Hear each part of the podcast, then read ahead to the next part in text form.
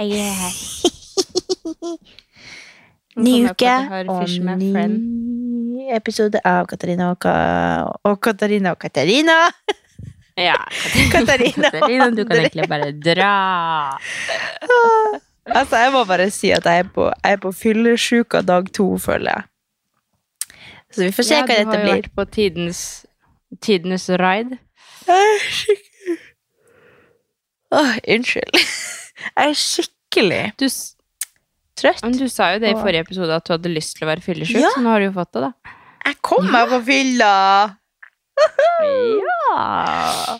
Men jeg skal prøve å skru på en energi her, for den, eh, den kommer ikke av seg sjøl i dag. Må jeg bare Men er det på ekte fyllesyk dag to? Jeg rakk ikke å være det i går fordi vi dro på topptur, så det føles som at jeg er sliten av helga. Så jeg er liksom veldig trøtt og sliten. og deg en bare min egen skyld. Jeg skal ikke klage på det. Men skal jeg fortelle deg noe? Mm? Du vet Høgge Varde, der dere var? Ja. Det var jo akkurat der jeg var. Hæ?! Jeg holdt, jeg holdt på å ringe deg i går. Fordi eh, Kødder du? Eller, vi, var, vi var allerede på vei hjem når jeg så at dere skulle til Høge Varde. Men jeg bare Faen, vi må snu! Eller et eller annet. For det er jo akkurat der. Altså, vi var ikke på toppen der, da. Men vi Altså, Fredrik Ja, det var jo et sånn hyttefelt all, der. alle de jeg var med Vi satt liksom og diskuterte om vi skulle gå opp til Høge Varde, liksom. Fordi Hva i når du går fra dager? Tempelseter, der hvor vi var, så kan du gå opp på langrennsski. Men jeg tror Ja. dere kanskje For dere gikk ikke fra Tempelseter, dere? Det, altså, det vet ikke jeg. Jeg satt på, ble plassert, og så gikk jeg, og så Jeg tipper Men det dere var- gikk fra altså, andre var sida. Vi gikk liksom på baksida av Sola, hvis du skjønner. Sola var baksida av fjellet, Mm. så var det et hyttefelt og en sånn skibakke. Høgevarde skianlegg. Og så kjørte vi litt Ja. lenger opp i hyttefeltet, og så gikk vi derifra. Så vi gikk forbi et sånn ski... Sånn langrennsspor. Ja, ja, det var akkurat der vi var. Hva Men jeg var på vei hjem, da. Når jeg så at dere var på vei dit, så tenkte jeg bare ja.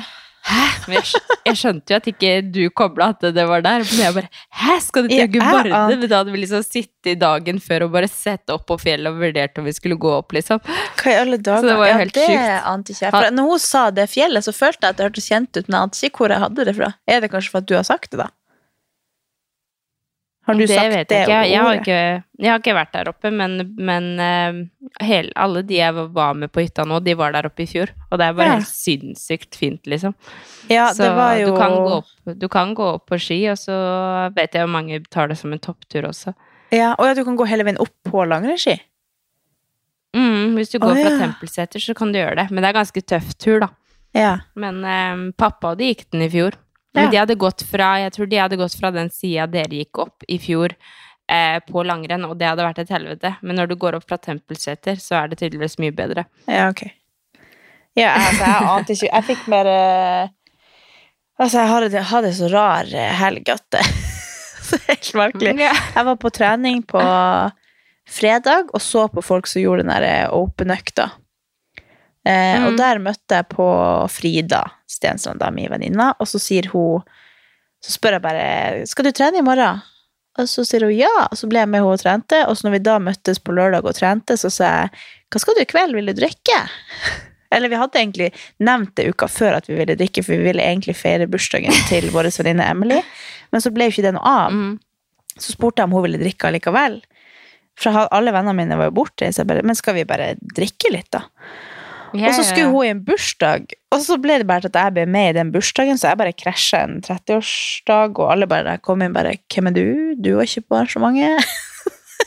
så jeg ble med på den bursdagen, og der shotta vi Tequila, og det ble altså veldig mange artige drikkeleker. Vi tok den der Flip the Cup som du har prøvd å lære meg på den før.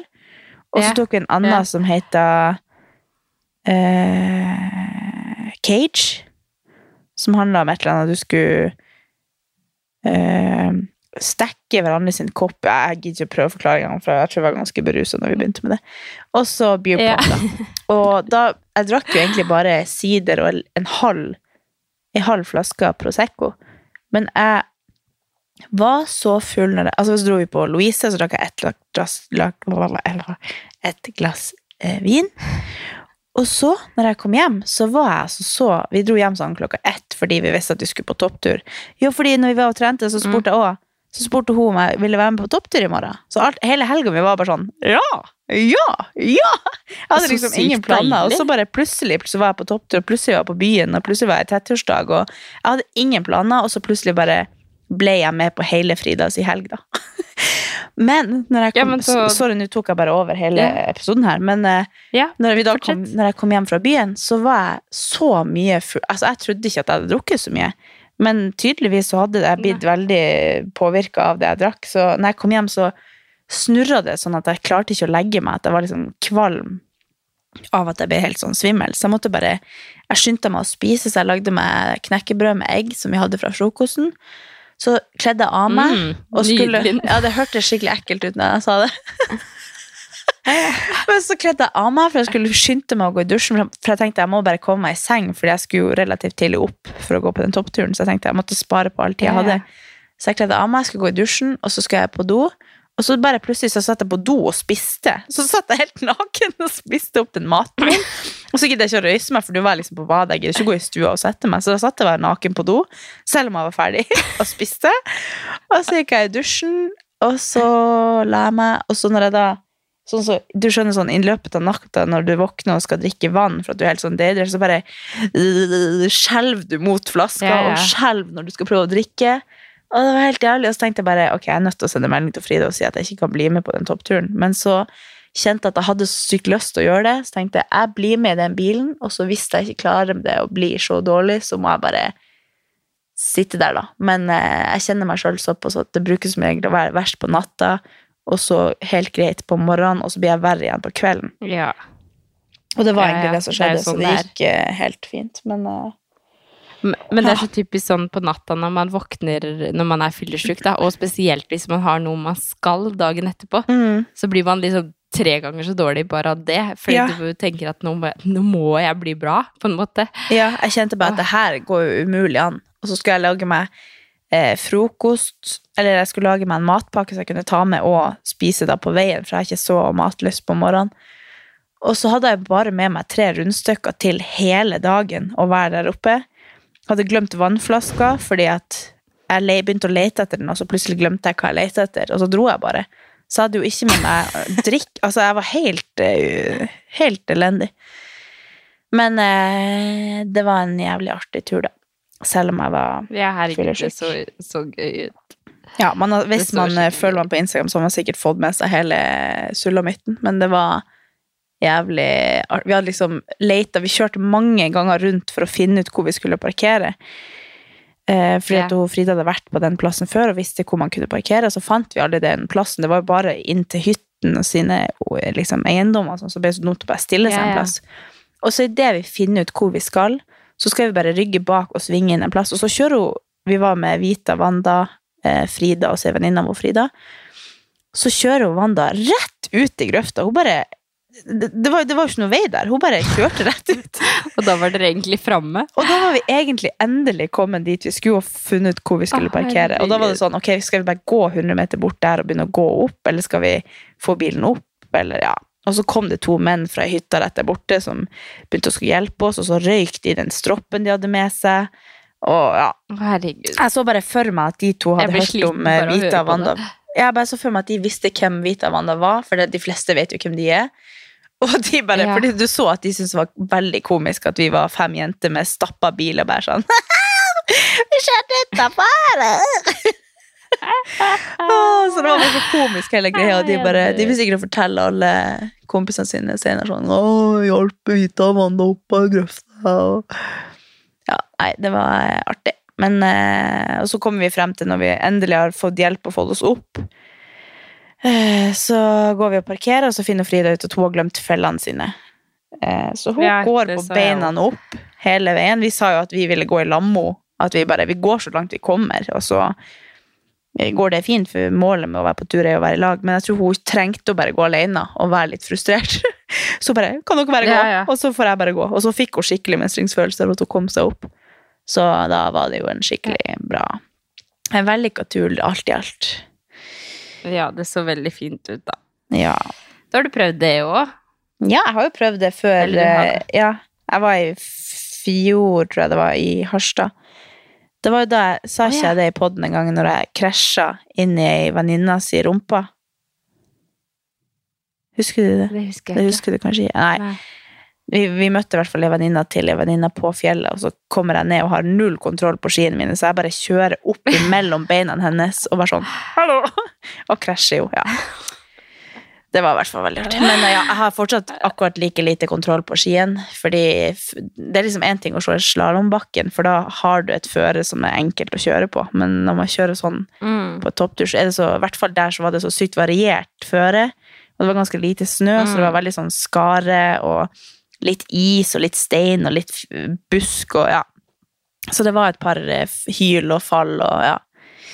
Det hadde egentlig vært ganske artig å ha sånn mikrofon inni jakken der, for å bare høre alle Ja, eller bare en. GoPro på huet eller noe, Ja. og bare se liksom hvordan det er. ja, GoPro inn i trynet.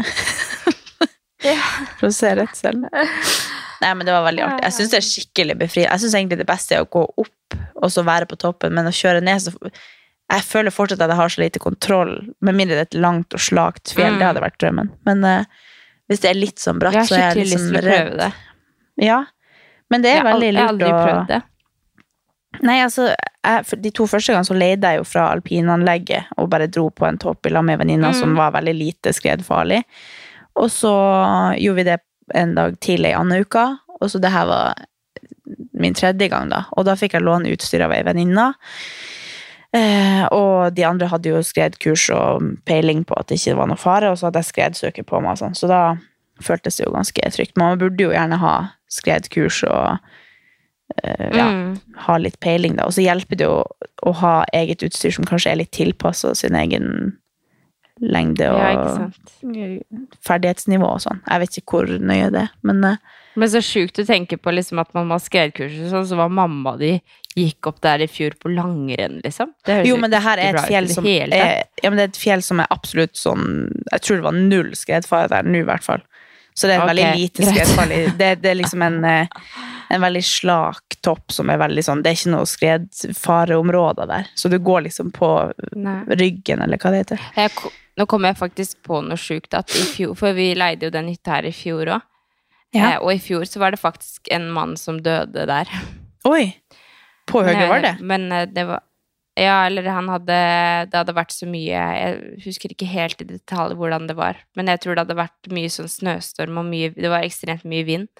Og så hadde Mm. han liksom gått en tur aleine, og så hadde de funnet han noen dager etterpå. Og det tror jeg Jeg mener det var på Høge var Det var i hvert fall liksom der oppe. For jeg husker mamma og de hadde vært der oppe og gått den ene dagen, og da hadde det vært skikkelig vind, så de hadde på en måte ikke helt funnet ut hvor de skulle gå i ned Ja. igjen. Så det hadde liksom vært litt skummelt. Og så dukka den saken der opp, og så er jeg bare sånn herregud, ikke gå opp dit igjen. Nei. Så, Nei, for men jeg kan se, Nå var det jo en veldig jo- fin dag, og det var likevel veldig mye yeah. vind der, så det er sikkert en veldig vindutsatt uh... Mm. Mm. Det er så sykt. Ja. Nei, men det, det var sprøtt at jeg bare kjører hjemover, så bare eh, Alexander bare 'Du vet at de skal til Høge Varde?' Eller jeg bare 'Nei!' Ja, jeg hadde jo egentlig litt sånn, i tillegg til å være litt sånn fyllesyk, så har jeg Vi har nettopp fullført hele det redningshundet på NRK. Og der er det jo mange skredulykker og sånn, så jeg har jo vært egentlig veldig redd for å Jeg tenkte sånn, etter en sånn den episoden, så tenkte jeg jeg skal aldri gå på topptur igjen. Men uh. Det her Jeg bare forsikra meg om at det, ja, jeg bare forsikrer meg om at det her ikke var noe farlig. og jeg tror jeg spurte henne sikkert fire ganger. bare sånn, du er sikker på det? Jeg har ingen peiling hva som skjer hvis du eller jeg blir tatt. Men eh, hun sa det, det skulle være rimelig sikkert. Ja. Men har dere hatt det fint på vinterferie? Ja, det har vi. Jeg vet ikke, jeg er helt bare sånn tom, jeg. Eller sånn Jeg vet ikke. Det er så Det var skikkelig fint på fjellet, og jeg føler Mm. meg litt sånn der nullstilt, hvis du skjønner. Samtidig så føler jeg meg bare sånn tom. Jeg føler ingenting betyr noe, liksom. Eller bare sånn på grunn av alt som skjer i verden. Ja, jeg vet. Så blir jeg bare helt eh, Så ja, jeg har hatt det skikkelig fint på tur, men jeg har liksom også bare Jeg føler ikke jeg går rundt og tenker på så veldig mye annet enn at jeg håper at det blir våpenhvile, og at ting Nei. bare går i orden. Jeg tenkte på det, Så- at, eh, at dere satt sikkert og fulgte mye med på TV og sånn. Eller selv om dere sikkert Ja. var mye ute, så, så blir man jo Man får liksom Ja, veldig mye blir tid til å man- sitte og følge med og, og snakke om det og ja. Nei. Og så er det liksom sånn, til vanlig så pleier man jo liksom å få den derre Når jeg er på tur med familien, så, så blir jeg sånn skikkelig lykkelig, hvis du skjønner. Ja. Jeg får, får sånn skikkelig sånn følelse at nå koser jeg meg skikkelig. Mm. Mens nå så har jeg bare kjent på at liksom det er så sykt uh, urettferdig, og det er så sykt uh, mye, mange, mye frykt, da, og mye greier, liksom, som man går rundt og tenker på. Mm. Så eh, vi har hatt det sykt fint på tur, men jeg føler meg bare veldig sånn rar, hvis du Ja, jeg skjønner veldig godt hva du mener. eh, men nei da, vi har hatt det fint, og vi har eh, egentlig bare vært masse på ski, og Alexander har gått med pulk for første gang. Ja. Eh, vi har hatt skikkelig fint vær. Det har liksom vært sånn dårlig vær de fleste dagene som jeg våkna, og så har det bare, idet vi har gått ut på ski, så har det bare sola bare skint skikkelig. Og så har vi hatt skikkelig sånn påskefeeling, for det har vært så varmt. Og ja. Jeg føler liksom vi gjorde akkurat det samme i år som vi gjorde i fjor, bare at i fjor var jeg høygravid. Ja. Og så har jeg faktisk for første gang liksom Jeg har funnet ut at jeg har aldri gått på ski eh, for time, hvis du skjønner. For time, her kommer det crossfit-språket. Men jeg har aldri gått på ski liksom sånn for å gå fortest mulig. Jeg har egentlig bare alltid, når jeg har gått på ski, så har jeg gått med familien, eller så har det vært sånn kosetur, eller sånn Når vi Ja. går på tur, så koser vi oss jo bare. Men Mm. så, når vi skulle hjem fra Tempelseter, da, når vi var der, så slang jeg meg bare på broren min og kjæresten. Og hun kjæresten til broren min er jo sånn langrennsqueen, liksom. Og Mm. han er, broren min er også ganske god på ski. Så tenkte jeg ja, ja, men da får jeg meg en utfordring. Så jeg eh, prøvde å gå ganske fort på ski for første gang, og det herregud hvor slitsomt det var. Jeg bare altså, jeg tror ski ski liksom- er noe av det tyngste jeg gjør hvis jeg prøver å gå fort. For det er tungt mm, både som styrke og kondismessig. Herregud. Ja. Ja, men så følte jeg liksom jeg føler, jeg føler liksom at jeg er i sånn egentlig ganske god form, men jeg har ikke teknikken på skia, hvis du skjønner, så jeg Nei. blir mer sånn frustrert og sliten av at eh, beina mine letter, liksom, når jeg prøver å skli på beina, hvis du skjønner.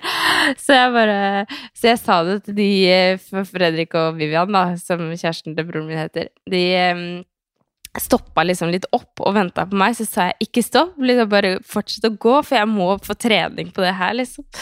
Så, og så er det liksom så morsomt, for liksom, de sklir til og med oppover bakkene, og jeg bare åh. Men du har jo Har, har- du, har du smøreski? Ja, jeg smører ski, men jeg, jeg Ja. tror neste år så skal jeg kjøpe meg felleski. For det ja, Jeg har egentlig aldri kjøpt meg sånn egne ski som er tilpassa meg. Jeg har bare alltid arva liksom, av brødrene mine, eller arva Ja. av mamma, eller et eller annet sånt noe. Så jeg har litt lyst til å faktisk kjøpe noen ski som passer til meg. Ja. Eh, så det skal jeg gjøre neste Men jeg gidder ikke gjøre det nå, men kanskje det kommer litt på salg nå når eh, sesongen er over. For jeg tror kanskje ikke det blir så veldig mye mer ski nå, egentlig. Nei. Så Og en venninne og venninna mi spurte om vi skulle gå på onsdag, men så Nå når jeg liksom vært og gått litt på Lynga og sånn, så når jeg nå var sist i Oslo-marka her, så ble jeg så forbanna, for det var så isete og dårlig føre at det, det frister ikke å gå. Mm. For jeg er liksom ikke så glad i ski, med mindre det er sånn dritfint vær, og jeg er ikke så glad i å gå på ski bare for å gå på ski. Det er liksom mer for en tur. Nei, jeg skjønner godt hva du mener.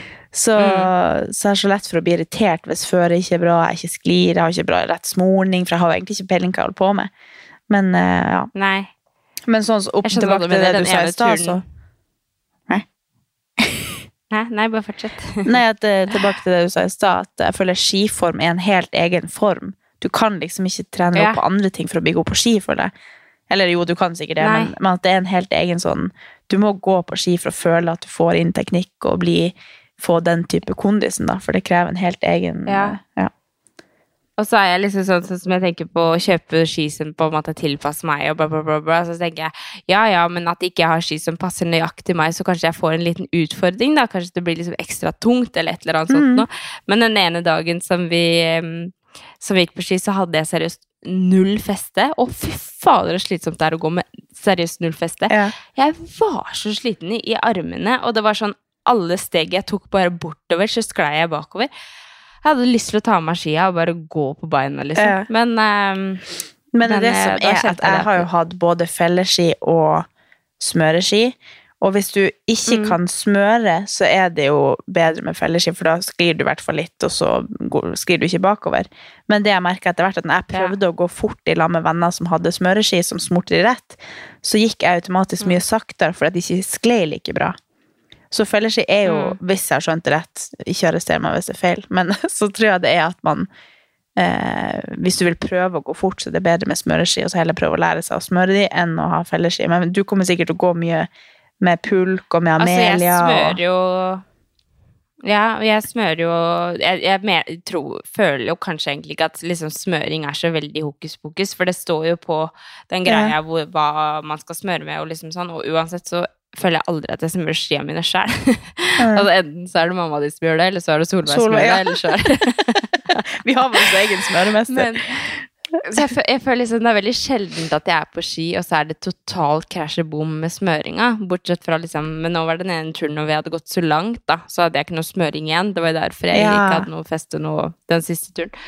Men eh, ja, nei, jeg, skal, jeg får eh, vurdere hva jeg skal gjøre. Men det virker litt chill med felleski, da. Bare ta de på seg, og så kjøre av gårde. Ja, Og så, Og så er det jo veldig greit sånn hvis man, man ikke har som mål om å gå fortest mulig og gå liksom og prøve å jakte i fart med en Mm. venn. For det var det jeg merka når jeg først skulle gå med Solveig, vi skulle prøve å gå fort. Så ble jeg hengende så Mm. etter, og hun prøvde mine ski, så jeg kjente hun også at hun ble automatisk saktere fordi at de ikke sklir like bra. Så det er liksom Ja, det er jo, en, det er jo ingen konkurre- konkurrerende folk som går med felleski, for, for eksempel, tror Nei. hvis jeg, hvis jeg skjønte Nei. rett.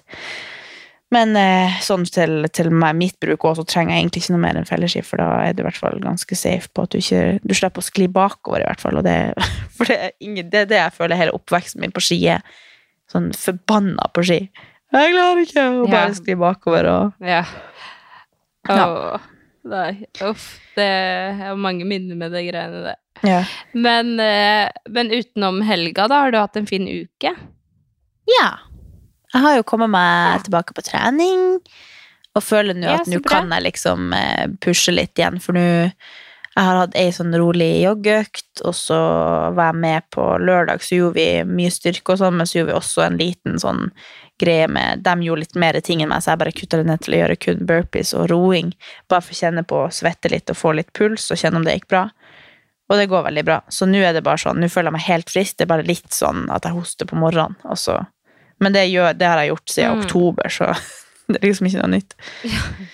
Så det er faktisk eh, veldig bra. Så det, det er jeg fornøyd med.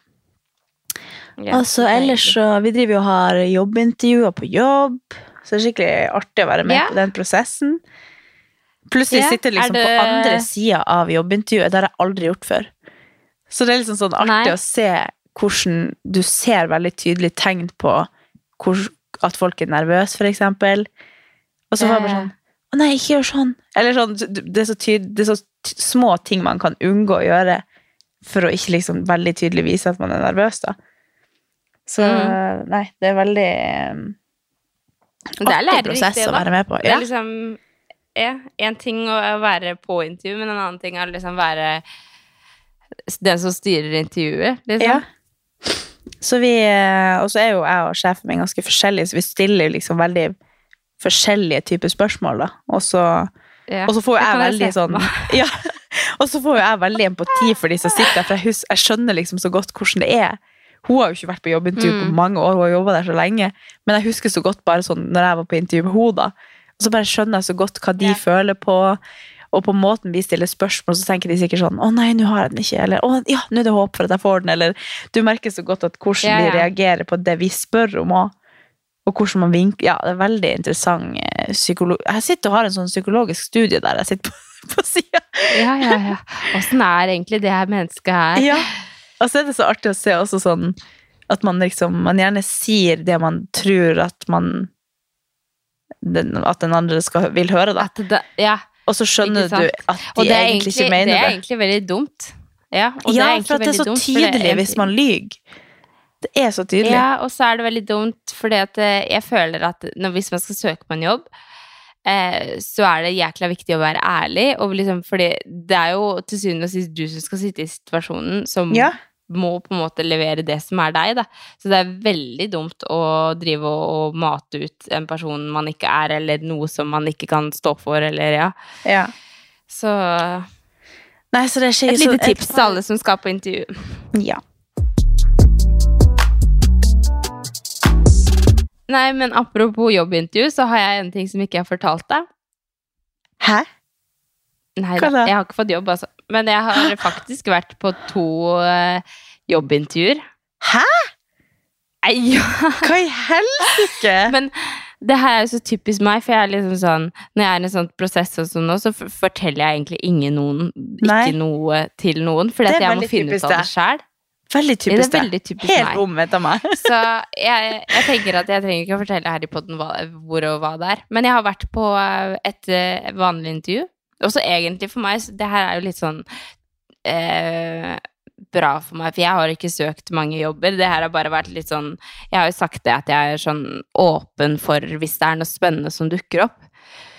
Så er jeg litt sånn da har jeg lyst til å henge meg på, eller i hvert fall prøve. Eh, Mm. Men så har jo ikke jeg eh, utdannelse innenfor dette feltet. Eh, så for meg å komme inn på et intervju er ganske vanskelig hvis ikke jeg kjenner noen.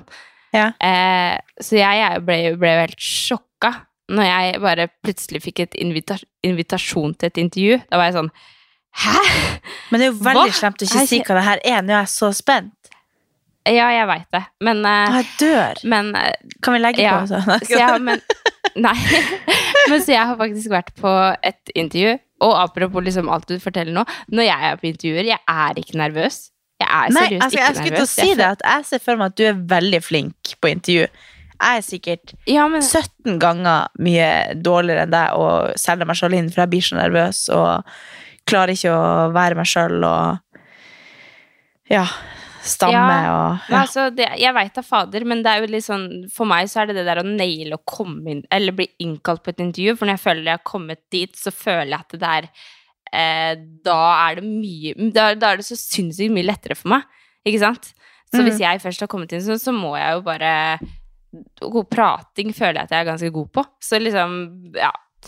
Men, eh, men det var så morsomt, for eh, da hadde jeg det første intervjuet på Teams, da. Og så sier Alexander til meg liksom rett før intervjuet skal starte, for jeg sitter jo i hoodie, ikke sant? Jeg sitter jo i, i joggis, liksom, usminka, og ser jo Jeg bare tenker at ja, men det er jo meg de skal eventuelt ansette, så det er jo meg de er nødt til å møte.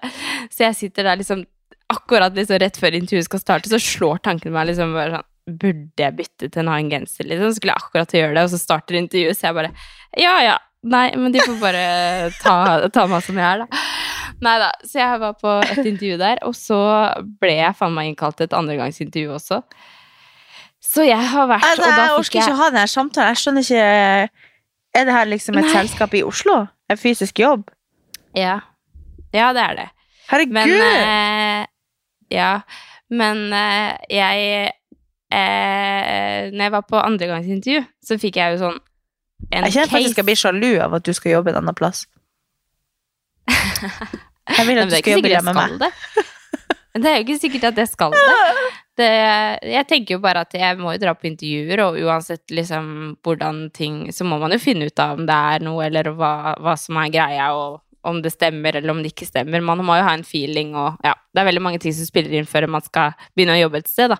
Ja. Eh, men i hvert fall til det andregangsintervjuet her, for der, nå kommer egentlig den morsomme delen. For her måtte jeg Der fikk jeg en, en case med tre ulike oppgaver. Så det her har jeg sittet og jobba med på fjellet. På hytta. Seriøst? Det er altså løse Så jeg, det tok meg Altså, jeg tror jeg brukte halvannen dag, jeg, på de greiene her. Å få løse de casene her. For jeg bare tenkte at det her er- for det, altså for det første så Nå har jeg blitt innkalt til et annengangsintervju, og nå kommer jeg til å lære enda Jeg bare tenkte sånn Altså, jeg ble skytet så sjukt langt ut av komfortsonen som overhodet mulig. Og jeg tenkte bare nei, det her orker Ok, jeg ikke. Så det var førstegangsintervju, og så case, og så ble du innkalt til andregangsintervju? Nei, casen er bare andregangsintervju. Så jeg måtte fysisk møte opp eh, dette stedet. Eh, I Oslo? På tors ja. torsdag Var, Har du vært i Oslo? Men, jeg, ja, Fy faen! Hæ?! Åh, jeg vet det. er Jeg, det slags ikke, jeg er ikke klar til å fortelle det. Nei, fordi at jeg har lyst jeg, Fortsatt så er jeg egentlig ikke klar for å fortelle det, fordi at det, jeg er virkelig Jeg vet ikke. Jeg må nødt til å finne ut av ting på egen hånd, liksom. Men jeg skal, ja, nå forteller jeg det jo i poden, av alle ting. Men uh, jeg har i hvert fall vært et forbanna og løst en case med powerpoint, og jeg har laga masse materiale som er så langt utenfor komfortsonen. Men det har vært jækla gøy. Det har jækla lærerikt. Men kan du så si- apropos Eh, Du trenger, du trenger ikke å si noe hvis du ikke vil, men sånn er det liksom Hvilken bransje er det? Kan du si noe? Det er eh, mediebransjen. Ok. Det er eh, ja, markedsføringsbransjen. ok. Så Men jeg kjenner jeg er forbanna Ja. på deg for at du har vært i Oslo. det er jo si det. veldig rart, da, hvis jeg skal si vi, hvor jeg har søkt jobb. torsdag! kan Jeg gjorde si ingenting på enda. torsdag. Du kunne vært i lag med meg på torsdag. Ja, jeg vet det. Men vet du hva, jeg, jeg bare Du har ikke ditt eget liv, du skal være i lag med meg. Ja, jeg veit det. Men uh, vet du hva, jeg har bare Det er mamma de som vet det, liksom. De som var på hytta. Herregud. Tenkte og, og Chommy og de. Så ja, Chommy og de. Chommy og Amelia. Chommy og de. Chommy og Amelia. Nei, men det, det var liksom litt sånn apropos Men så rått at du kom til Andreas sin tid. Da har du sikkert fått den, da. Ja. Typ. Nei, den er ikke altså For det, den her er Det er ganske mye som er ganske langt ifra det som Og jeg har blitt grilla på det andregangsintervjuet, men det det, det er også en ting, da. At liksom der sitter jeg med tre andre, og så er han ene liksom en eldre kar som eh, har jobba i bransjen ekstremt lenge, som egentlig ikke kan noen ting om eh, mediebransjen, altså alt det som vi driver med, da. Eh, og så starter han med å si at nå skal jeg komme med noen ganske uhyggelige spørsmål, ikke sant. Eh, og så kommer han med de spørsmåla, så tenker jeg bare sånn herregud, det her er jo ikke uhyggelig i det hele tatt. Men det er jo på en måte sikkert grilling for andre, ikke sant. Hvis man sitter på et intervju, og så er det litt sånn et direkte spørsmål, så blir man jo sikkert sykt stressa. Men så tenkte jeg bare herregud, det her går jo helt fint. Når kommer de uhyggelige spørsmåla, liksom? Så ja, nei, men man lærer veldig mye, og det var sykt artig å være på et sånt intervju. Selv om jeg tenkte når jeg Herregud, fikk casen at herregud, det her gidder jeg ikke være med på. Så- Men det er den eneste jobben du har søkt på, eller har du søkt på flere? Nei, jeg har søkt på eh, tre stykk, tror jeg. Ja, herregud. Hvor spennende! Så...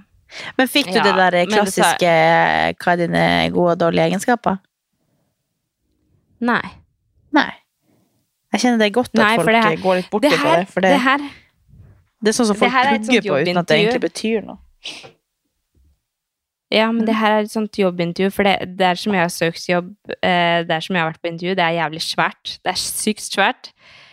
Så her var det sånn at når jeg søkte på jobben, bla, bla, bla, så måtte jeg gjennom sånn test. Du vet, sånn Ja. sånn at du skal svare på så og så mange spørsmål og innen så og så lang tid. Og for det første så brukte jeg fire minutter eh, bare på å skjønne hva jeg drev med. Så jeg måtte jo også forsvare det her på intervjuet, da. Jeg bare, når de kom fram til liksom den testen, så sier jeg Altså, Hadde det vært opp til den testen her, så skjønner jeg faen ikke hvorfor jeg har blitt tatt inn på intervju, for jeg skjønte ikke en dritt, sa jeg bare. For det er jo sånn Jeg skjønte det jo selvfølgelig etter fire minutter, da, at det er liksom du skal svare på spørsmål i, i henhold til teksten som er over, og liksom at du skal vise forståelse, at du tar ting fort og liksom sånt noe. Men jeg hadde jo sikkert ikke lest ordentlig, så jeg bare start testen, og så får jeg ADHD, og så tenker jeg herregud, skal jeg holde på med det her i tolv minutter? Og så ble jeg helt eh, Så eh, ja. Eh, og så var det også sånn personlighetstest, og da gikk Ja, det jo gjennom vi har også sånn i vårt system at alle må gjennom en sånn test, og så en Ja. personlighetstest, og så går det sånn automatisk inn i vårt system om den er egnet eller ikke, og så kan vi velge basert på de Å, ja. resultatene, og komme om vi vil plukke de videre eller ikke. Nei, det er jeg på en kan måte en ikke sånn- vært egna, ja. Jo, men det kan være at de For du kan jo gå og se, det er sikkert samme type system, bare en annen Eller ja. Og så kan man liksom se da hvor høy score du har i forhold til hva stillinga er og sånn. Og så, basert på det, så Ja. kanskje plukke det videre, eller basert på personlighet, eller hva det er den testen plukker ut, da. Ja, Nei, men altså, det her var bare Ja, nei, men altså var det jo den personlighetstesten, da. Da var det jo alle de Da hadde de jo på en måte satt sammen noen informasjonstekster om meg, da, ut ifra den personlighetstesten. Og da var det så Mm. sykt, for når jeg leste opp de eh, liksom, setningene, så var jeg bare sånn Ja, ja, det er meg. Ja, ja, der har du meg. For det er jo har svart på, ikke sant? Det er liksom Ja. sånn eh, Hvis man Eller sånn med rutiner, og at man egentlig ikke liker så godt rutiner, at man liker å spice det litt opp, og at man lever på litt risiko, men at man også liker å ha en sikker plan, og liksom At det var så sykt mye, så jeg bare Ja, ja, der har du meg! Og så måtte jeg liksom forklare ut ifra det, da. Altså, nei, da. Jeg tipper du har sjarmert deg med senk. Jeg tror jeg har sjarmert dem, men uh, det er mange ting som skal spille inn for at man uh, skal det er, det er liksom et felt som er ganske gresk for meg uh, på veldig mange måter. Så, Men jeg ser jo på det som en jævlig kul oppgave òg, da. Så, så jeg skal forklare hva det her var, uavhengig om jeg får jobben eller ikke. Men jeg vil Ja. bare at ting skal lande først, for det er veldig dumt av meg å liksom prate ut om masse greier, og så Ja, blir det ja, ikke det sånn, eller så blir det sånn, og så ja. Men, eh, men sykt artig. Jeg har fått kjørt meg, og jeg føler at jeg har lært sjukt mye av det her òg, så en erfaring rikere. Ja, det tenker jeg alltid sånn. Selv om man er redd for å dra på jobbintervju, så lærer man så sykt mye om seg sjøl og det å bare å kommunisere med noen med en annen maktbalanse enn seg sjøl. Man har så godt av å ha de samtalene for det. Så det er veldig Mm. lærerikt, Mm. tror jeg, å dra på intervju sånn uavhengig om du vil ha en jobb, eller altså bare om det er en jobb som er helt eh, ute av din league, eller så, så lenge du kommer inn på Mm. intervju, så, så lærer man så mye om det. Så jeg tror det er lurt. Mm, man gjør det. Man gjør det. Men var det sånn når du var i Oslo at du tenkte sånn shit, tenk hvis noen venner mine ser meg? Nei. Eh, Du var på sånn undercover og si følte det deg sånn 007, så gikk nei, rundt for og altså jeg, par jeg parkerte jo rett ved der som vi har kjøpt leilighet. Altså rett attmed meg. Eh, Ja. Og jeg gikk forbi eh, Altså, det, det sjukeste her er at jeg tok liksom en snap eh, Nei, jeg tok en story av at jeg var i Oslo. Og så tenkte jeg bare Hallo, nå har jeg ikke sagt til noen at jeg er i Oslo. Det her orker Eller liksom sånn, jeg tenkte bare Nei, jeg sparer det. Og så slipper jeg liksom å forklare Nå må jeg forklare det uansett, da. Men eh, du skjønner jo det, holdt jeg på å si. Men, det, men eh, jeg tok faktisk Og den snappen var liksom rett ved Det var liksom rett utafor your balcony. Ja. kjenner meg, føler meg lurt. Nei da. Men Snytt! eh, det, altså, For en venn. det som var casen på torsdag, det var at jeg kjørte ned. Jeg eh, gikk bare forbi der hvor jeg har kjøpt leilighet. Jeg gikk ned der jeg var på intervju, og jeg kjørte, gikk tilbake til bilen og kjørte opp igjen på hytta. Så jeg Ja. var jo ikke i Oslo annet enn Å ja, du var jo egentlig på hytta, ja, så dro du hit, og så Ja, jeg var egentlig Ja. på hytta. Så jeg var liksom bare sjopp, sjopp, opp og ned. Og så um, Jeg prøver å tenke, hva er det som ligger i området her som du kan ha søkt på jobb på? Jeg skal fortelle deg det etterpå. Ja. Slippa mi. Nei, men herregud, Men, så spennende. Men Ja, det er jo veldig. lærerikt at jeg sitter og har jobbintervju, og du driver og er på jobbintervju. Da har Ja. vi jo runda, runda Men jeg har liksom Skal jeg være helt ærlig, så har jeg lyst til å være på flere jobbintervjuer. Ja, faen ikke gi henne jobben, hun Så- er på jobbintervju. Ja, men, eller, men det er sånn dumt, det òg, for man må jo ikke la muligheter gå. Men jeg, jeg har lyst til å være på flere jobbintervjuer.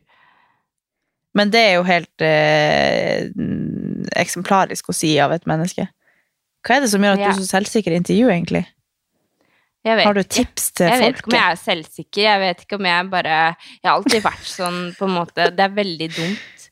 Det er veldig dumt, for på skolen og sånn, så var jeg alltid sånn Vi hadde eksamen, og når vi hadde viktige prøver og sånn, så var jeg, jeg var helt Ja, det går fint uansett. Og det er jo litt Ja. sånn holdning jeg har til livet òg. Så det er Jeg husker veldig bare den ene gangen vi skulle skulle til Sverige, til hovedkontoret, og vi skulle ha en sånn presentasjon av vår brand med vårt Mm. team da i Sverige, og du skulle ha Bearboss, jeg skulle ha vel og du var bare sånn mm. Ja, nei, det går kjempebra, og folk er jo snille, og herregud, og, og det er jo selvfølgelig er det med det, men, men det er bare sånn Ja, men Jesus Christ, skal jeg stå foran mennesker der og prate, og på engelsk, og foran folk jeg ikke kjenner, og aner ikke hva de tenker, hvor mye erfaring de har fra før. Er det dumt at jeg sier sånn, for de har jo selvfølgelig hørt det her hundre ganger før. Det var bare sånn Herregud, og du bare Men jeg tror kanskje du ikke bryr deg om hva andre tenker. Så du er bare sånn Her er meg, så får dere Nei. ta det eller ikke. Og, så. Ja, og det, er er, jo en, sånn en grunnleggende sånn selvsikkerhet eller selvtillit, da. At du uansett hva som Ja. skjer, så går det bra. Jeg tenker at det kan være positivt, og det kan være negativt. Så Jeg tror det er veldig det er deilig positivt, å være det er Fordi deilig å være rolig, men det er jo greit å bry seg eller sånn når det er ting som er sykt viktig, da. Eller sånn så, nå, jo, men du bryr deg jo, sånn- men det gjør jo bare at du håndterer det bra, og så Ja, skjer det jo ikke noe hvis du Du blir liksom ikke så skuffa hvis det ikke går bra, for at du tenker bare Ja, ja, men da jeg prøvde ikke så hardt, eller Altså, du har Ja. sikkert en, en litt sånn laidback stilling til Ja. Ja. ja da. Nei, men det er det, er, eh, det er artig. Men uh, en annen ting, da. Jeg har jo også uh, nå Har du mer du har på- om? jeg- Nei, nei, nei. Nei, jeg har ikke, jeg har ikke lyvd om noe. Jeg har bare holdt det for meg selv. Jeg føler jeg meg som verdens verste venn. Judas. Men, eh, men eh, jeg har eh, jo hatt korona. Det snakka vi om i forrige episode. Eh, og så har jeg vært en del på ski på hytta. Eh, og så trente jeg for første gang i dag. Eh, Ja. Sånn ordentlig. Og jeg hadde jo bare vondt i halsen når jeg hadde korona. Jeg var jo ikke veldig sjuk. Amelia var veldig sjuk. Tommy var litt sjuk. Eh, jeg hadde bare vondt i halsen. Det var ingenting annet for meg. Eh, men jeg har forstått i dag, liksom etter å ha vært på trening, at det å trene etter korona er ganske sånn Du skal være ganske forsiktig. Ja, kjente du noe? At det er liksom Nei, nei, det skjedde ikke noe med meg, men jeg følte liksom at jeg fikk litt kjeft etterpå. Eller bare sånn eh, Fordi at jeg har jo slitt med kneet mitt veldig lenge. Eh, Ja. Og så i dag var liksom sånn første økt hvor jeg liksom faktisk kjørte eh, Altså, vi hadde først ti repetisjoner med knebøy ganger fem. eh, Og det gikk kjempefint. Eh, Jeg kunne Mm. legge på vekter og kunne liksom det var, ikke noe, det var ikke noe som holdt meg tilbake, da. Eh, Og samme med på den økta, så har jeg jo ikke kunnet kjøre trusters av det er veldig ukontrollert for kneet mitt. Og sa egentlig før jeg skulle starte økta at jeg vet ikke helt om jeg kan kjøre trusters. Og så fikk jeg betalt eller så var liksom et alternativ som vi satte opp, da. Og så bare starter jeg økta, og så bare kjører jeg thrusters. og så kjenner jeg bare Nei, ja, det var deilig å få kjøre det, egentlig. Så jeg bare fortsatte med det. Eh, og kjørte egentlig veldig bra, og, og følte liksom for første gang på lenge at liksom jeg fikk puls, og jeg Det var skikkelig deilig å få svetta litt, og det var jo Ja. Eh, og så var vi ferdige, da. Og så la jeg meg bare ned på bakken og liksom pusta og bare Åh, det var en deilig økt. Eh, men kjente at jeg var litt svimmel.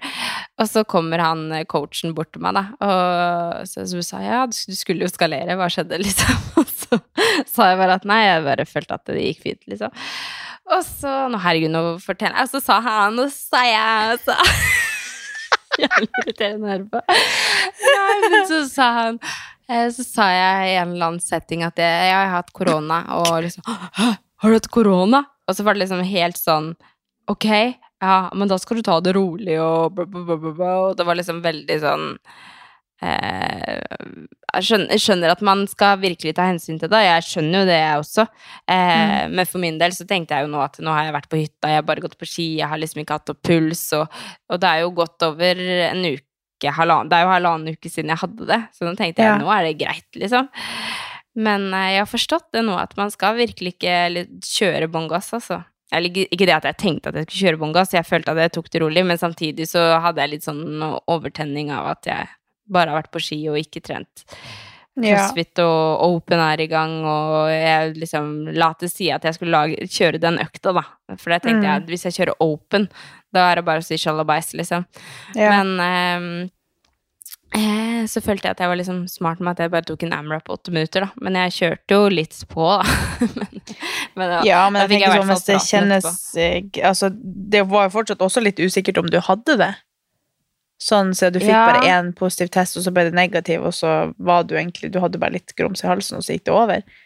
Ja. Men, Ja, eh, men jeg har, sånn som for min del, så har jeg jo kjent at jeg bare prøver meg fram, og så hvis det kjennes greit ut, så har jeg liksom Mm. Eh, Ja, og jeg har jo følt eh, meg helt fin. Jeg har følt meg helt fin etterpå, så det er Ja. jo burde, Føler jo liksom ikke at det Men eh, i hvert fall at man skal ta hensyn til det, da. De som Ja, sier med til de jo, de som de er har, veldig eh, flinke. Ja, og de som har forska på det, sier jo at man gjerne skal ha jeg vet ikke hva det er, en- tre uker eller noe sånt før du Mm. gjør noe puls. Altså det er veldig sånn strengt hva du egentlig skal gjøre. Mm.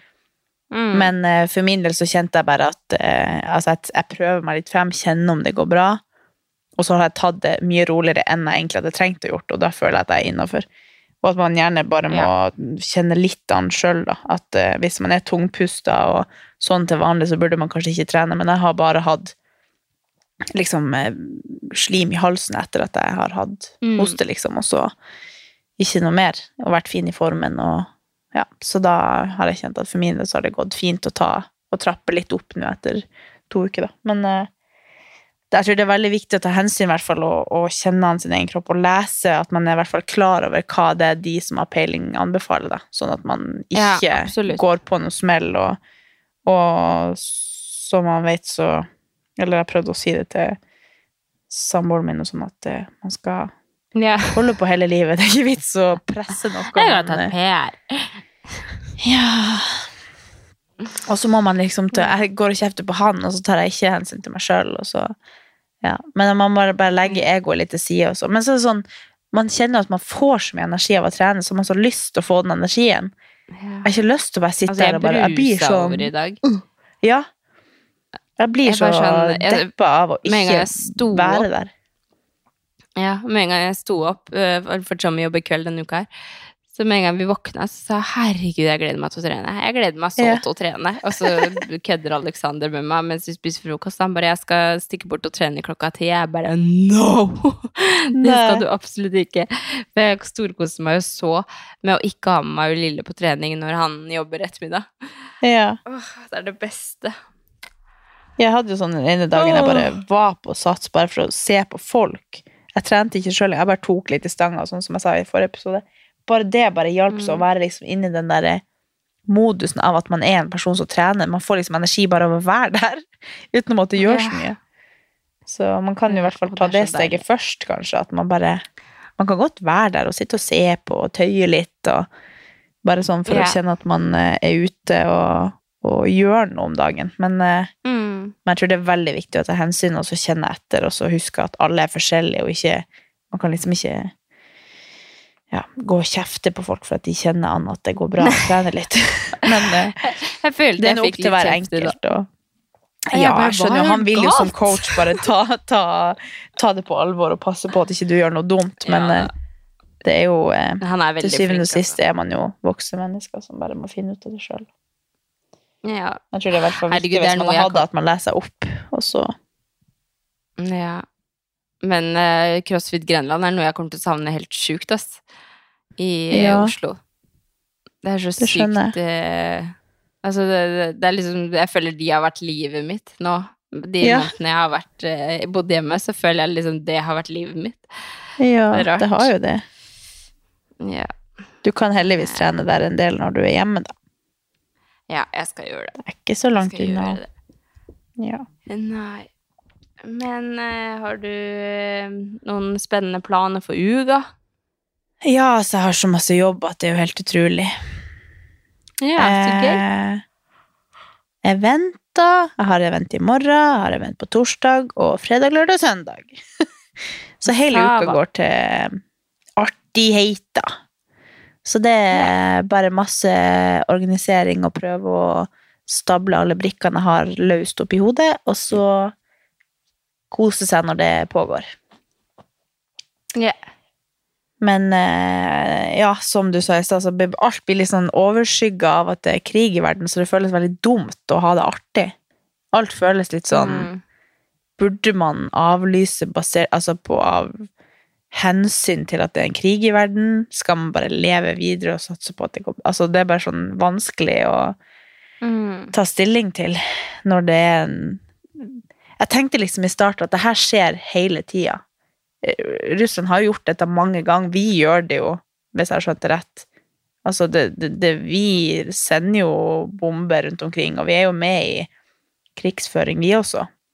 Men bare fordi det blir så nært, og det er et angrep på noe her i nærheten, så blir det så synlig. Men det er jo like eh, alvorlig som alt det som har pågått i mange år borti Syria, Mm. og, i, og så er det bare sånn man, man tar det så innover seg, for det er så nært. Men eh, så vet man ikke helt Mm. hvordan man skal leve med det. Hvordan skal man ta hensyn til det? Og så merker man at alle rundt seg blir veldig påvirka av det.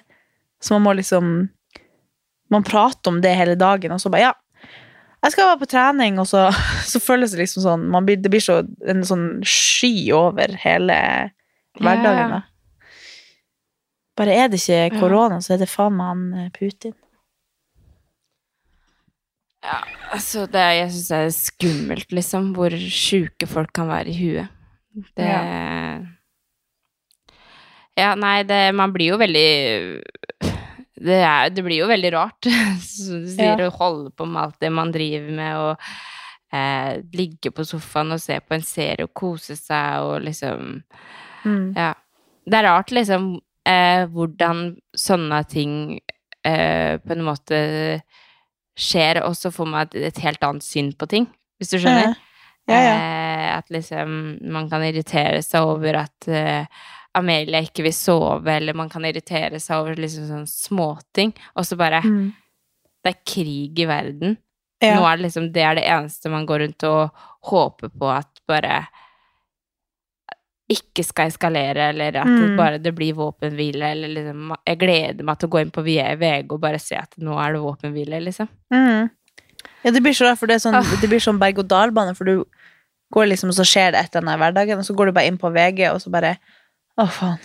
Helsike, det er jo Ja. helt katastrofer i verden. Og så går jeg og må liksom i et møte og snakke om noe eh, event, eller så blir det sånn ja, Og så går du ut av det møtet, og så går du på VG, og så bare Ok, om én time har de møte, og så skal de prate i lag og se hva som skjer.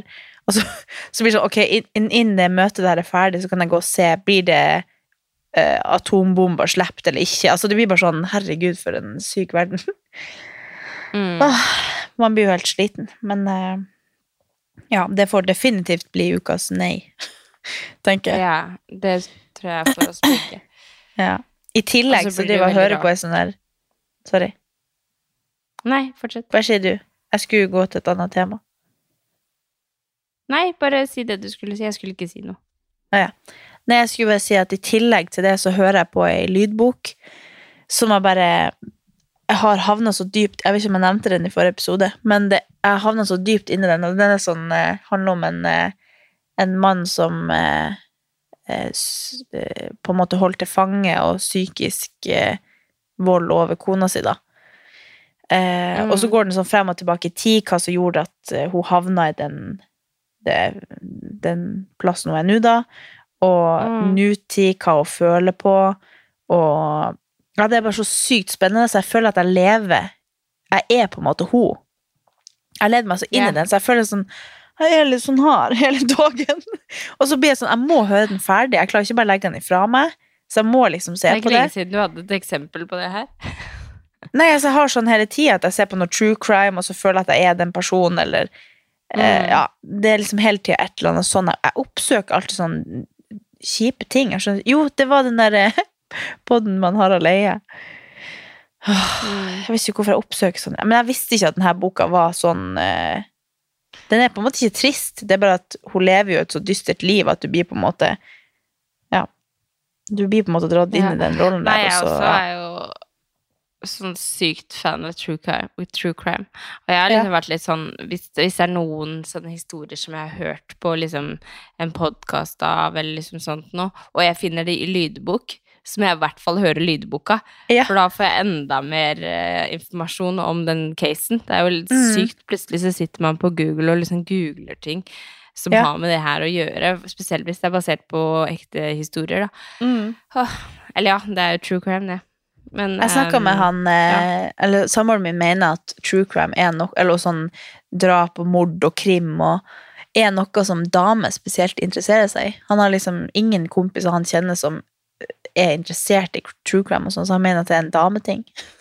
og at vi er psykopater. Så rart. Neida. Kanskje det er fordi vi er litt sånn Vi oppsøker drama, på en måte. Eller vi oppsøker spenning på Altså, det måten. beste jeg vet, er jo å se på true crime. Jeg vet ikke hvorfor Jeg kan ikke fatte at ikke han syns det er interessant. Men det har jeg hørt flere Nei. som sier, så jeg vet ikke om det stemmer. Jeg har ikke oppsøkt noe statistikk på det, men det kan være at det stemmer. Jeg elsker det i hvert fall. Ja. Syns det er så interessant. Selv om det er skikkelig ekkelt og kjipt og Altså, det er så mange i den true crime-poden jeg bare Det har satt en støkk i sjela mi etter jeg hørte den episoden. Mm. Så det er liksom så mange kjipe skjebner, men jeg må høre det. For det er bare sånn Herregud, hvor sjuke folk er. ja. Men Men har, har du en en ukas yay? yay? Ta du. Hey, jig! Ukas yay. Jeg eh, tror kanskje at jeg må si eh, Den casen jeg fikk eh, til intervjuet, selv om liksom Ja. den gjorde meg sykt frustrert, så følte jeg at jeg bare vokste så sykt på hele greia. Så jeg Ja. tror liksom egentlig at jeg, jeg må si det, fordi at jeg lærte så sykt mye om veldig mye av å Og så følte jeg skikkelig mestring, for jeg følte på en måte i et sekund der at jeg skulle tilbake på skolebenken.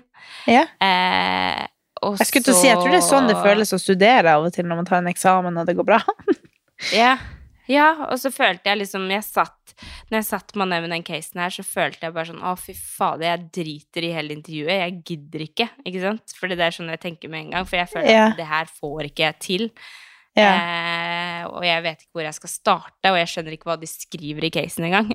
Mm. eh, og så Ja, det verste er hvis du ikke skjønner liksom oppgaven i starten, så blir det bare Ja, sånn herregud, nei, hvor skal vi starte? Mamma du spurte meg har du fått casen. Jeg bare ikke snakk om det, jeg skjønner ikke en dritt. så de var jo De var jo helt sånn herregud, sett deg ned, nå skal vi hjelpe deg. Men ehm, men når jeg liksom satte meg ned, begynte å lage powerpointen, begynte liksom å, forme det, og faktisk dro på intervju, og de syntes at det var skikkelig bra, da kjente jeg Så du har laga sånn powerpoint og hele pakka? Ja, jeg har laga powerpoint. Jeg Oi. holdt presentasjon eh, på Hva i helsike? 15-16 minutter. Så jeg følte at jeg fikk sånn skikkelig mestringsfølelse av det her, og eh, de som jeg leverte det til, syntes det var skikkelig bra. Og da ble jeg bare sånn Ok, det her vokste jeg på. Altså om det er sånn at ikke det her eh, er noe jeg skal gjøre, så har jeg i hvert fall vært igjennom noe som har eh, gjort meg veldig mye bedre på veldig mange måter. Mm. Så jeg tror faktisk jeg må si det, selv om jeg syns det var liksom sykt pain in the ass å sitte med det. Eh, så gjorde det meg bra til slutt. Ja, men det er en veldig bra yay. Ja. Eh, Jeg tror eh, Nå rett før vi begynte å podde, så um, gikk samboeren min ut her og bare Den der jakkesituasjonen ute i gangen her. For at han har ingen knagg å henge jakken sin på, for jeg har så mange jakker. og så Ja. sier jeg eh, Ja, det skulle jeg ordne for lenge siden. Og så jeg har så mange ganger tatt opp jakka fra boden, for jeg tenker de kan ikke ligge i boden. Jeg trenger de ikke, jeg skal Nei. selge de. Og så gidder jeg aldri å legge ut ting på Tice og sånn, for jeg føler bare det er så mye stress. Å ta opp det kameraet, ta bilder av ting og legge det ut der. Så jeg bare gir det til Fretex, og det er jo fint, det. Men eh, noen av de her Mm. tingene koster jo 3000, og så bare gir jeg det bort. Jeg burde jo kanskje selge de, og så For jeg aner jo ikke hvor det, hvor det Mm. havner engang. Hvem er det som kjøper de, og ja. Så jeg har tatt opp masse jakker, og så har jeg aldri lagt de ut for salg, så nå bare henger de her. Så nå i stad så begynte jeg plutselig å kaste ut masse ting på Tice. Og det er seriøst noe Jeg tror Solveig har sagt det til meg i fire år. At jeg skal legge Jeg har ei klokke jeg skulle lagt ut for fire år siden. Jeg har så mange ting, og et kamera.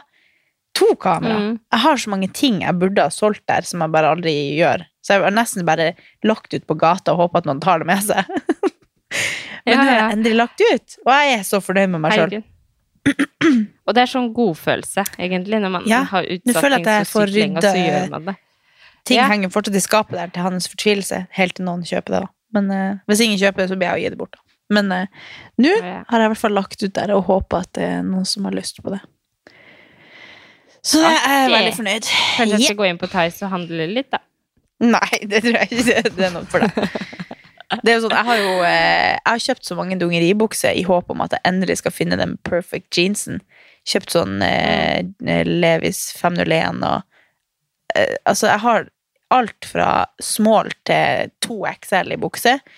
og ingen av de passer meg. Men nå har jeg endelig funnet en jeans-type. Eh, eh, Ja. Comfy mom jeans på Tricot, som funker. Så nå har jeg funnet ut at jeg skal bare selge alle de andre jeansene jeg har, for jeg bruker det ikke, for alle er feil størrelse eller feil passform, eller For jeg har eh, noe kjøtt på, på den røva der som ikke får plass i så mye. så nå har jeg endelig funnet ei jeans som er veldig fleksi, og Ja. ser kul ut, og så, ja. Så nå Så jeg har solgt, eh, lagt ut noe jeans, og Så jeg er fornøyd med meg sjøl. Så nå blir jeg sikkert å legge ut ting underveis som jeg finner, finner ting. Og så blir det sånn, idet jeg skal legge det ut, så bare sånn Nei, men jeg liker den jeg kan jo egentlig bruke den, og så gjør jeg det aldri. Så jeg bare bestemt for jeg må bare legge Det ut. det, er best ut. å bare legge det ut når du er Ja. i den flowen. Ja, jeg må det. Selv om jeg Og så gikk jeg tilbake og fant bilder av noen av de plaggene, for jeg tenkte jeg måtte ha et ordentlig bilde. Og så bare, herregud, hvor søt jeg var i den! Hvor fin jeg var i den! Og så bare, faen, jeg har ikke lyst til å legge den ut likevel. Men jeg blir jo ikke å bruke det. Så Nei. Nå må det bare ut. Jeg har en dårlig tendens til å bare kjøpe inn masse ting, og så hvis det ikke passer, så leverer jeg det aldri tilbake igjen. Og sender det tilbake Nei, til nettsiden. Så bare ligger det i skapet der, og så er det med prislappen på. Og ja. Så jeg oppdaga det nå da jeg skulle ut på byen. Jeg, klik, jeg fikk sånn Jeg gikk 14 ganger forbi eh, han Kevin som satt i stua, og inn på badet for å prøve de tingene jeg skulle ha på meg. Jeg fant ingenting. Og jeg har, jeg har så masse ting. Og jeg bare Jeg klikka. Jeg bare Jeg stygger alt. Så jeg har funnet ut at jeg må egentlig bare selge bort alle de tingene som jeg liker, men ikke, som ikke passer meg, kanskje, eller som ikke yeah. ser så fine ut på meg, eller ja. For jeg Så har har man liksom en topp ting. som var kul i 2014, som man ikke Ja. klarer å kaste, liksom. Ja. Ja, jeg har òg det. Jeg, har, jeg ser på skapet mitt her nå, jeg har noen sånne favoritter som jeg kjøpte for seks år siden, som bare ikke klarer å kaste, for at jeg tenker at den er såpass spesiell at jeg får ikke tak i en sånn på nytt, men så vil jeg ikke bruke den, for den er ikke noe kul lenger. Så bare tenker jeg, kanskje ikke, plutselig blir den inn igjen, og så bare har du den, og så, ja. Ja, det er faktisk noe som jeg tenker at jeg skal gjøre nå framover eh, her hjemme også. Nå har jo jeg kvitta meg med ekstremt mye, fordi vi har flytta Mm. så mye. Eh, så det er faktisk ganske shredda, holdt jeg på å si, i, av alt jeg har. Men jeg tenker at jeg skal jeg sier Shredda. Det, ja. det ble det ordet, jeg brukte i dag, ja. Men eh, at jeg tenker at jeg skal gå gjennom en gang til. Kanskje jeg skulle tatt meg en uh, of Ice før jeg starta, for da blir jeg enda flinkere på å kaste ting. Smirnoff of Ice. Ja. Det hadde jeg glemt fantes. Ja. Det var Det jo derfor jeg vet ikke hvorfor jeg kom på det. Mm, ja. Men bare Og så skal jeg begynne. Jeg gleder meg bare så sykt å begynne å pakke.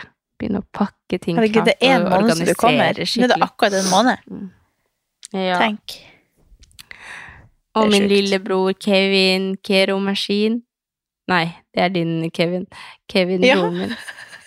Han Din Han lillebror fyller 18 år i dag. Han fyller 18 år i dag. Mm. Gratulerer med dagen. Gratulerer med Nå er han voksen, da. Med dagen. Han er voksen. Ah. Herregud, tenk på det. Og vi har kjøpt eh, Vi har gitt en gave, holdt jeg på å si, og det er at vi skal Hva heter det? Rugskogen? Ru- Rugskogen? Det er sånn eh, gokartsted hvor du kjører i 80 km i timen. Oi! Vi har gitt det til han, sånn at han må Han må nødt til å få seg lappen. Herregud! Så vi kan dra dit. Å ja, man må Ja, ha så- lappen for å kjøre gokart. Ja, i hvert fall der. Sikkert fordi oh, ja. at man kjører så fort. Det går så fort, ja. ja. Ja, så vi ga det til han da i gave. Så det blir spennende. Herregud, så artig. Litt fartig spenning. Ja. ja. Nei, men uh, da er det tirsdag. Ja. Kjør på. Ny Han uke. ha- Ja, bra dag! Bra uke. Skap din egen Og så kanskje det det er fordi at du Det er fordi du eh, har vært så og løgge og vært så hemmelighetsfull. Det er derfor vi ikke har snakka denne uka. Ja, det må Jeg kom på nå når vi ikke har snakka, at vi har faktisk ikke snakka et ord siden vi spilte inn pod sist. Ja, det er det er ganske helt trist. krise. Det er helt krise. Men jeg skjønner jo nå at det er fordi du er skjuler ting for meg. Ja. Det er akkurat det. Men nå kan vi legge på sånn så jeg kan få vite hvor du har vært på jobbintervju. ja. Nei, vi snakkes om en uke. Stygg unge. Ja. Ha det. Ha det. Unnskyld.